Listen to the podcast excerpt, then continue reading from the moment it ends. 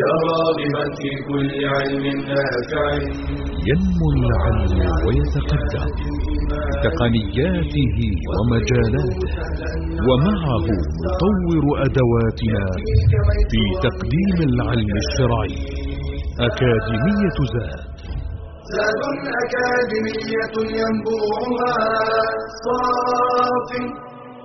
صاف ليروي غلة الظمآن. هذا كتاب الله روح قلوبنا خير الدروس تعلم القرآن. بشرى لنا زاد أكاديمية للعلم كالأزهار في البستان. بسم الله الرحمن الرحيم. الحمد لله رب العالمين. أحمده سبحانه وتعالى حمدا كثيرا طيبا مباركا فيه. وأصلي وأسلم على سيدي رسول الله صلى اللهم وسلم وبارك عليه وعلى آله أجمعين. اللهم علمنا ما ينفعنا وانفعنا بما علمتنا وزدنا علما. ما شاء الله كان. ونعوذ بالله من حال أهل النار. اللهم لا سهل إلا ما جعلته سهلا. وأنت تجعل الحزن إذا شئت سهلا. اللهم ارزقنا الإخلاص والتوفيق والقبول والعون. أما بعد أيها المباركون السلام عليكم ورحمة الله وبركاته حيثما كنتم. في هذه الحلقة إن شاء الله عز وجل ونحن نعيش وإياكم مع مادة التفسير. سنتحدث في هذه المادة المباركة عن المراحل التي مر بها علم التفسير. الله سبحانه عز وجل وتبارك وتقدس أنزل كتابه على نبينا صلوات ربي وسلامه عليه. أنزله الله عز وجل اولا إلى السماء الدنيا جملة واحدة. ثم أخذ ينزل على نبينا صلى الله عليه وسلم منجما مفرقا خلال ثلاثة وعشرين سنة. بعد ذلك هذا القرآن الكريم أخذ أو كان في هذه المراحل سواء في مرحلة النبي صلى الله عليه وسلم التي كان فيها أو ما كان بعدها مر هذا الكتاب العظيم في بيان معانيه الذي هو التفسير مر بعدة مراحل. وقبل أن نتحدث عن هذه المراحل لا بد أن يعلم طالب العلم بل حتى المسلم أنه وهو ينظر إلى كلام الله عز وجل سيجد سيجد في كلام الله تبارك وتعالى ما كان واضحا بينا لا يحتاج إلى تفسير من مفسر ولا إيضاح من طالب علم يفهمه كل واحد من الناس. إذا قرأ الإنسان مثلا قول الحق تبارك وتعالى وأقيموا الصلاة وآتوا الزكاة. إذا قرأ العامي ولا تقربوا الزنا. إذا قرأ قول الحق تبارك وتعالى ولا تأكلوا أموالكم بينكم بالباطل. هذه الآيات وهي كثيرة في كتاب الله عز وجل. أبدا لا يجهل معناها ولا يجهل فهمها أي عامي من المسلمين فضلا عن طالب علم. ولكن أحيانا قد تأتي بعض الآيات بعض الكلمات في كتاب الله تبارك وعز وجل تحتاج إلى إيضاح وإلى بيان. هذا الإيضاح والبيان لهذه الكلمات لهذه الجمل مر بمراحل هذا الذي نعنيه عندما نتحدث عن مراحل التفسير. فكان أول هذه المراحل وأهم هذه المراحل هو تفسير القرآن بالقرآن الكريم. خلك معي. تفسير القرآن بالقرآن الكريم. فإذا جاء المؤمن ففتح على سورة القارعة. فقرأ قول الحق تبارك وتعالى القارعة ما القارعة؟ القارعة يقف معها متسائلا ما المراد بالقارعة؟ ما هي هذه القارعة؟ فيجيبك الحق تبارك وتعالى ويبين معناها في خلال الآيات. فيقول عز وجل القارعة ما القارعة وما أدراك ما القارعة؟ يوم يكون الناس كالفراش المبثوث وتكون الجبال كالعهن المنفوش فيعلم المؤمن أن هذه هي القارعة أن القارعة هي ذلك اليوم العظيم الذي سيقرع بهوله وشديد خطبه وكربه القلوب وأن الله عز وجل أراد بالقارعة هذا ففسر كلامه سبحانه عز وجل بكلامه فلم يحتج المؤمن عند ذلك إلى شيء من النظر لمعنى القارعة في غير هذا الكتاب المبارك أعني القرآن الكريم. إذا قرأ المؤمن أيضا في كتاب الله تبارك وعز وجل إن الإنسان خلق هلوعا. جنس الإنسان مخلوق بهذا الهلع. ثم يقول عز وجل مبينا هذا الهلع الذي أصيب به هذا الإنسان ما المراد به؟ إذا مسه الشر جزوعا وإذا مسه الخير منوعا إلا المصلين. فيتضح للمؤمن الذي ينظر في كلام الله عز وجل معنى هذا الهلع فقط من خلال النظر في كلام الله تبارك وعز وجل. هذا الذي نقصده بقولنا أن القرآن يفسر بعضه بعضا. بل أذكر كلمة لبعض علماء التفسير من مشايخنا كان يقول إن المتأمل في القرآن الكريم يجد كثيرا إن لم يكن يعني إن لم يكن غالب إن لم يكن يعني تقريبا في في أكثر القرآن ومعظمه أن الآية الآية اللاحقة تفسر الآية التي قبلها وتبين معناها. ألف لام ميم ذلك الكتاب. لا ريب فيه هدى للمتقين. وهكذا من هم هؤلاء؟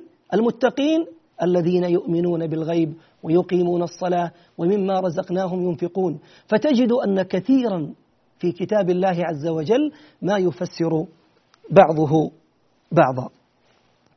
من ذلك أيضا قول الله عز وجل ألا إن أولياء الله لا خوف عليهم ولا هم يحزنون. أسأل الله أن يجعلني وإياكم من أوليائه. منزلة الولاية منزلة عظيمة. يرغب إليها كل مؤمن ويسألها كل عبد صالح أن يكون قريبا من ربه عز وجل. أولياء الله لا خوف عليهم ولا هم يحزنون.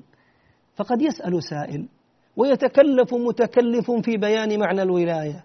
حتى ربما ذكر بعضهم في معاني الولاية المطولات مما يفهم منه أن الأمر عظيم ولا يستطيع المرء أن يصل إليه. بينما الحق عز وجل في كتابه يبين معنى هذه الولاية بأسلوب رائع وجميل وسهل. يستطيع كل مؤمن متوجه إلى الله عز وجل أن يصل إليها. فيقول تبارك وتعالى في بيان معناها ألا إن أولياء الله لا خوف عليهم ولا هم يحزنون؟ الذين آمنوا وكانوا يتقون. هؤلاء هم أولياء الله عز وجل. فإذا أردت أن تصل إلى درجة الولاية فلا عليك إلا أن تكون مؤمنا متقيا لله تبارك وعز وجل. اسمع أيضا إلى قول الحق تبارك وعز وجل. والسماء والطارق. وما أدراك ما الطارق. ثم يبين عز وجل بعد ذلك معنى هذا الطارق فيقول عز وجل في بيان معناه النجم الثاقب. فبين عز وجل معنى الآية الأولى بالآية التي بعدها. فأصبح المؤمن في هذه الحالة يعني واضح الصورة أمامه لا يحتاج إلى كثير نظر في غيرها. ومن ذلك أيضا قول الله تبارك وتعالى والأرض بعد ذلك دحاها. دحاها؟ ما معنى دحاها؟ اسمع إليه عز وجل وهو يبين ولكن بعد الفاصل إن شاء الله. أكاديمية للعلم كالأزهار في البستان.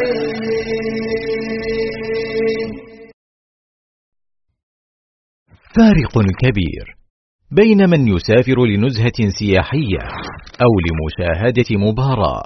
وبين من يسافر لطلب العلم فالرحلة لطلب العلم موصلة إلى سعادة الأبد.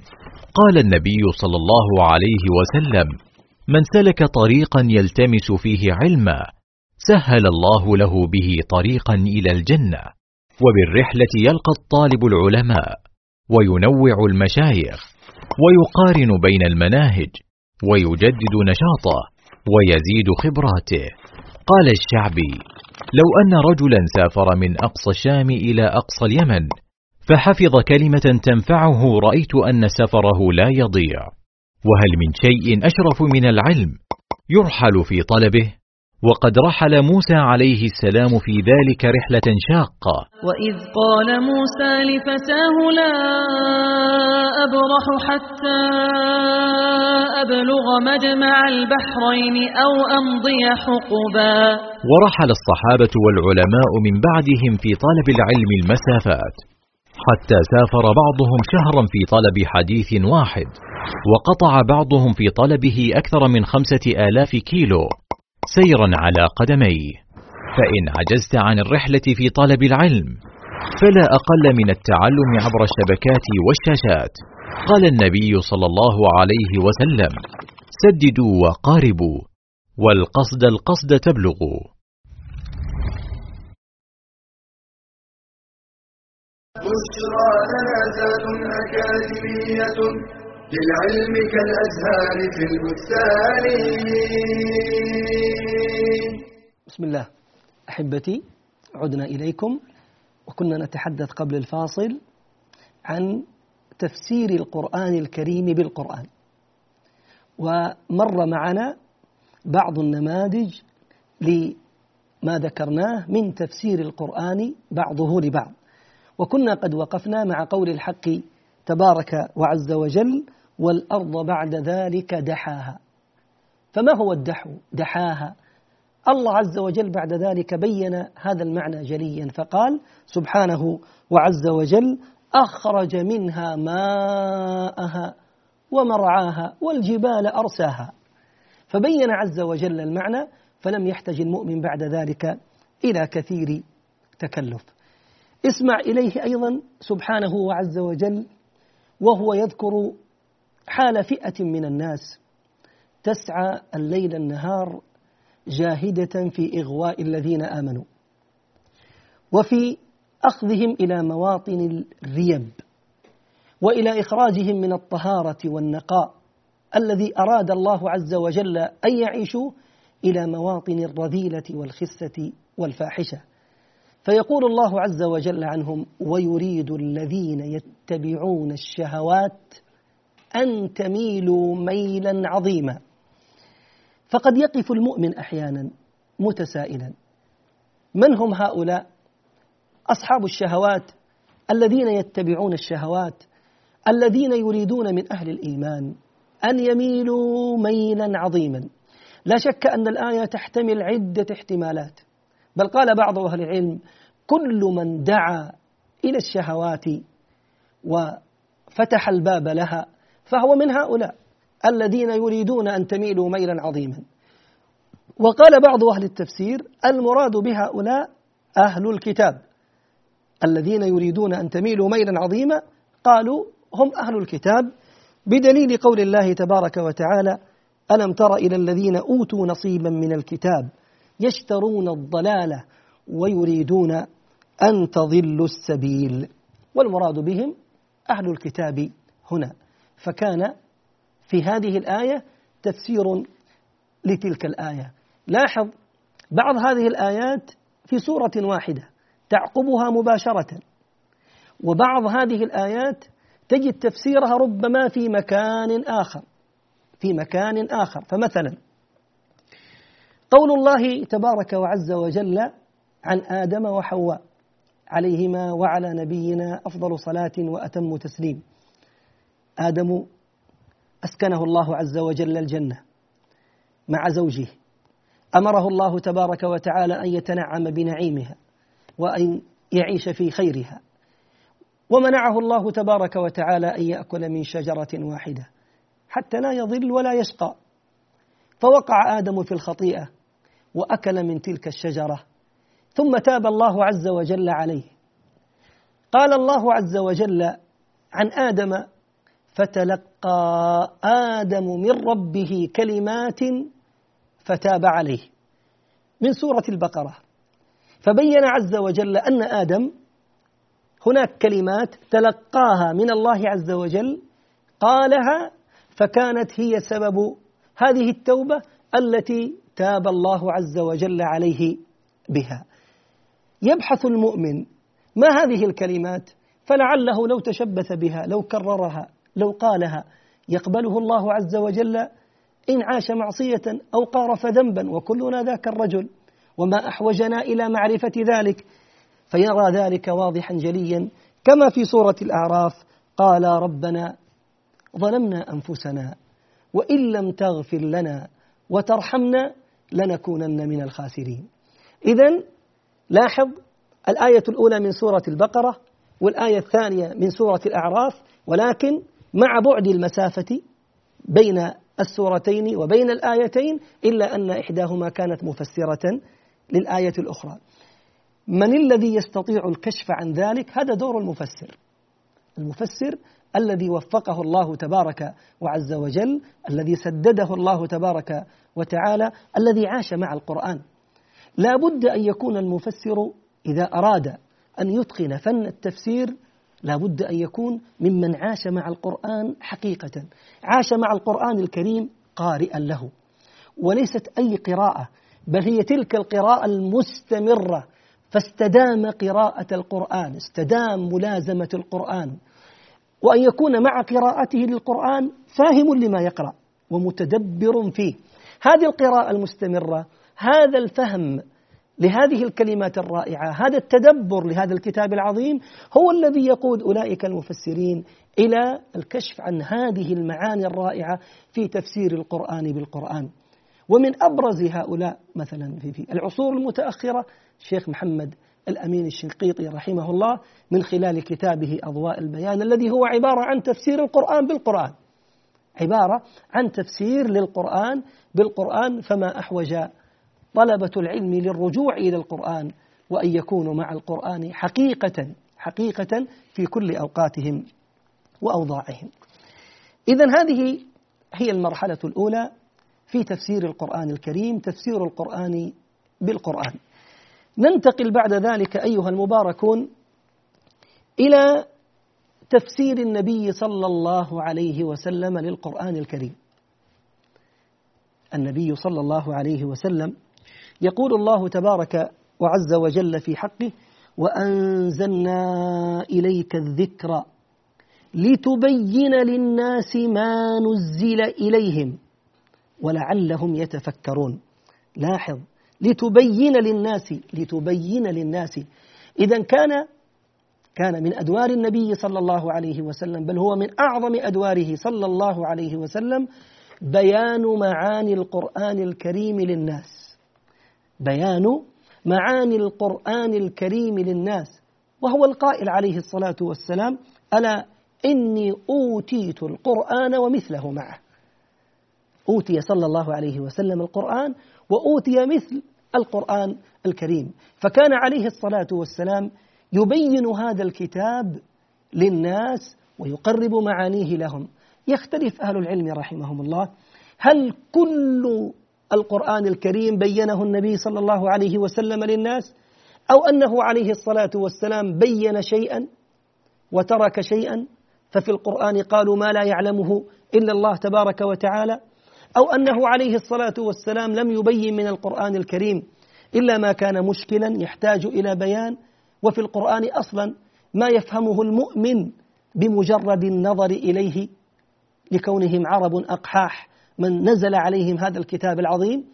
هذه كلها أقوال قال بها أهل العلم رحمهم الله في تفسير النبي صلى الله عليه وآله وصحبه وسلم للقرآن الكريم.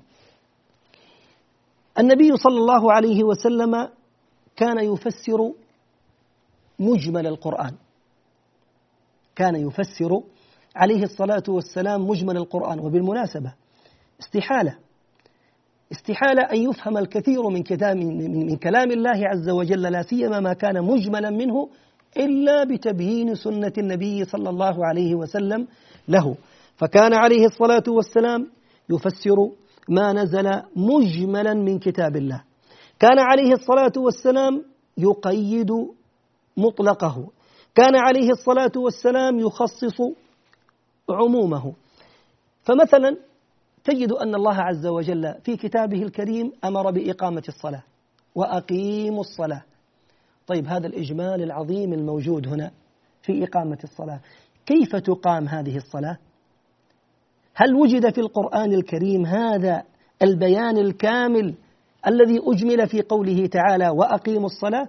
تجد هذا البيان واضحا جليا في سنة النبي صلى الله عليه وآله وصحبه وسلم فتراه صلوات ربي وسلامه عليه يصلي أمام الناس بل يصعد عليه الصلاة والسلام عن المنبر ويصلي أمامهم يقول لهم صلوا كما رأيتموني أصلي يكبر يقرأ فإذا صلى الله عليه وسلم أراد أن يسجد رجع القهقرة ثم سجد على الأرض كل ذلك يفعله عليه الصلاة والسلام ليبين للناس معنى هذا الإجمال الموجود في كلام الله تبارك وعز وجل. بل تراه عليه الصلاة والسلام يبين لهم مفاتيح هذه الصلاة الذي لا يمكن أن تقام الصلاة إقامة تامة إلا بها وهو الطهارة. فيتوضأ عليه الصلاة والسلام. أمامهم يخبرهم عليه الصلاة والسلام بأحكام الغسل يحكم يخبرهم عليه الصلاة والسلام بكل ما يحتاجون إليه من أحكام الطهارات. هكذا كان عليه الصلاة والسلام معهم وللحديث بقية إن شاء الله. أكاديمية للعلم كالأزهار في البستان.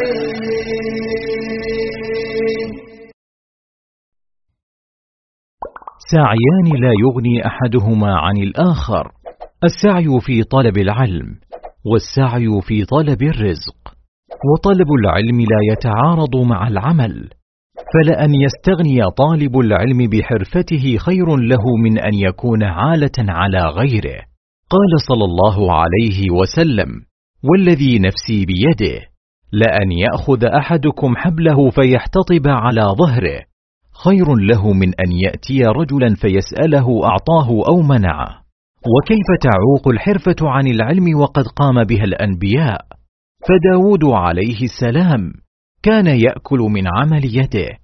مع أنه كان ملكا نبيا وهذا يدل على فضل الحرفة ولا يتعلل صاحب الصنعة بضيق الوقت. فلو ذاكر ساعة يومية لقرأ ما يزيد على سبعة آلاف صفحة أي خمسة عشر مجلدا في العام الواحد. وقد نسب كثير من العلماء إلى الحرف كالمحدث يحيى القطان نسبة إلى بيع القطن. والفقيه أبي بكر القفال نسبة إلى صنع الأقفال والنحوي أبي إسحاق الزجاج نسبة إلى صنع الزجاج. فتعلم واكتسب قوتك بعمل يدك. فقد سئل النبي صلى الله عليه وسلم عن أفضل الكسب. فقال عمل الرجل بيده وكل بيع مبرور.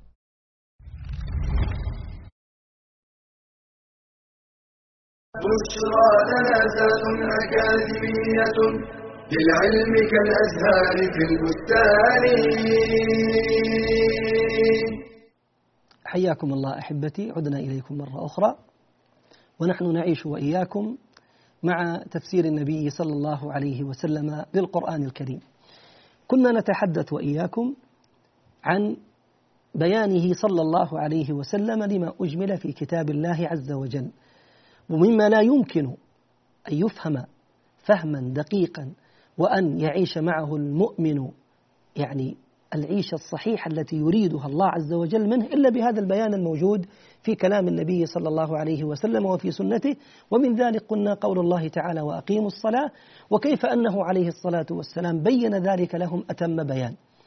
في نفس الآية الماضية وأقيموا الصلاة وآتوا الزكاة. تلك الأنصبة وتلك المقادير ومما تخرج الزكاة إلى غير ذلك تجده عليه الصلاة والسلام أيضا يبينه للناس صلوات ربي وسلامه عليه وسلم بيانا تاما.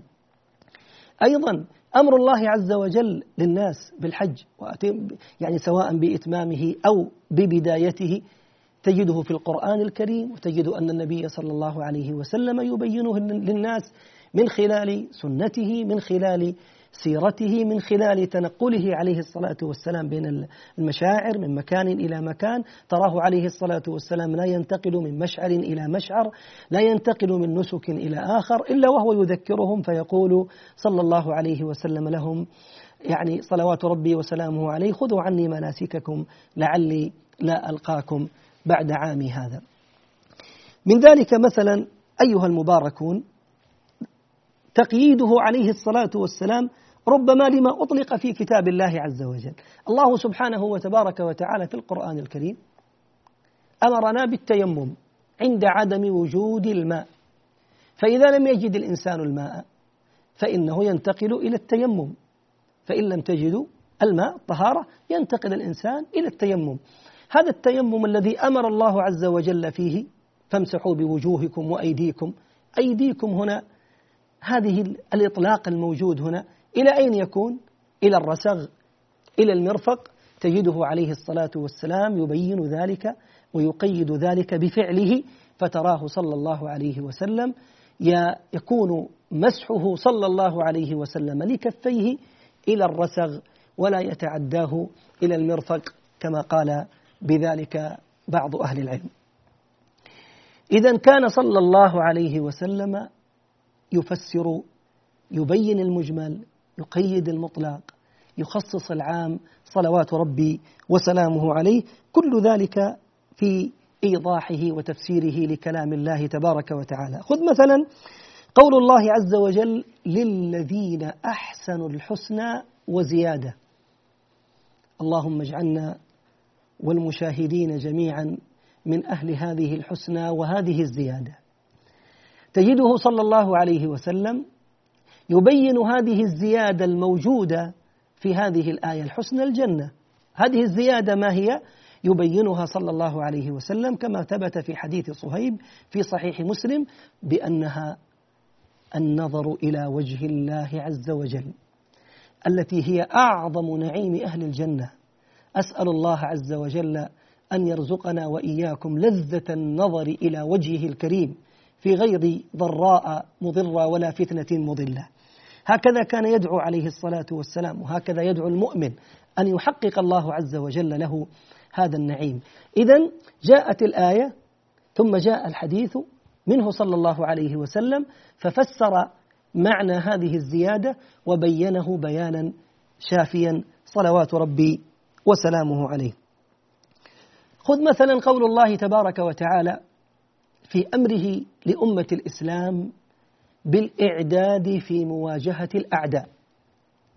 قال تعالى وأعدوا لهم ما استطعتم من قوة ومن رباط الخيل ترهبون به عدو الله وعدوكم. أمر الله عز وجل للأمة الذي متى ما أخذت به مع سابق إيمانها وصدقها رفعها الله تبارك وتعالى درجات. ما المراد بهذا الأعداء؟ بهذا الإعداد؟ وأعدوا لهم ما استطعتم من قوة ومن رباط الخيل. ما هي هذه القوة التي أرادها الله تبارك وتعالى في هذه الآية؟ فسرها عليه الصلاة والسلام وبينها كما في الحديث الصحيح الذي رواه الإمام مسلم فقال عليه الصلاة والسلام إنما القوة الرمي. إذا المراد بهذه القوة التي يتعلم أو يعد يعني تعد بها أمة الإسلام كيانها وقوتها ونفسها هي الرمي بكل صوره وألوانه وأشكاله الذي هو بإذن الله عز وجل الذي سيكون سببا في النكاية بالأعداء. خذ مثلا قول الله تبارك وتعالى في سورة الفاتحة غير المغضوب عليهم ولا الضالين. يبينه عليه الصلاة والسلام كذلك ويبين صلى الله عليه وسلم كما في مسند أحمد وعند الترمذي أن المراد بالمغضوب عليهم هم اليهود وأن المراد بالضالين هم النصارى. اليهود أمة علمت الحق وتركته عمدا فلم تعمل به فغضب الله تبارك وتعالى عليهم والنصارى أمة ضالة عبدت الله عز وجل على غير هدى. وعلى غير علم فضلت عن الطريق. فبين عليه الصلاة والسلام من المراد بالمغضوب عليهم ومن المراد بالضالين. وأقول أيها الأحبة الكرام ما أحوجنا نحن أمة الإسلام أن نبتعد عن هاتين الصفتين الذميمتين التي وصف الله عز وجل أو كانت طريقا لذم الله عز وجل لهاتين الأمتين. الصفة الأولى صفة ترك الحق بعد علمه ويقينه. كم هم أولئك الذين يتبين, له يتبين لهم الحق ويتضح جلي بين بالدليل والبرهان القاطع ومع ذلك يتعمدون أن يتخطوه. وأن لا يفعلوه. بل ربما يتعمدون أن ينكروه أو يردوه. يتعمدون أن أن ينكروه أو يردوه. ولهذا قال من قال من السلف من كان هذا حاله ففيه شبه باليهود. من كان من أمتنا هذا حاله ففيه شبه باليهود.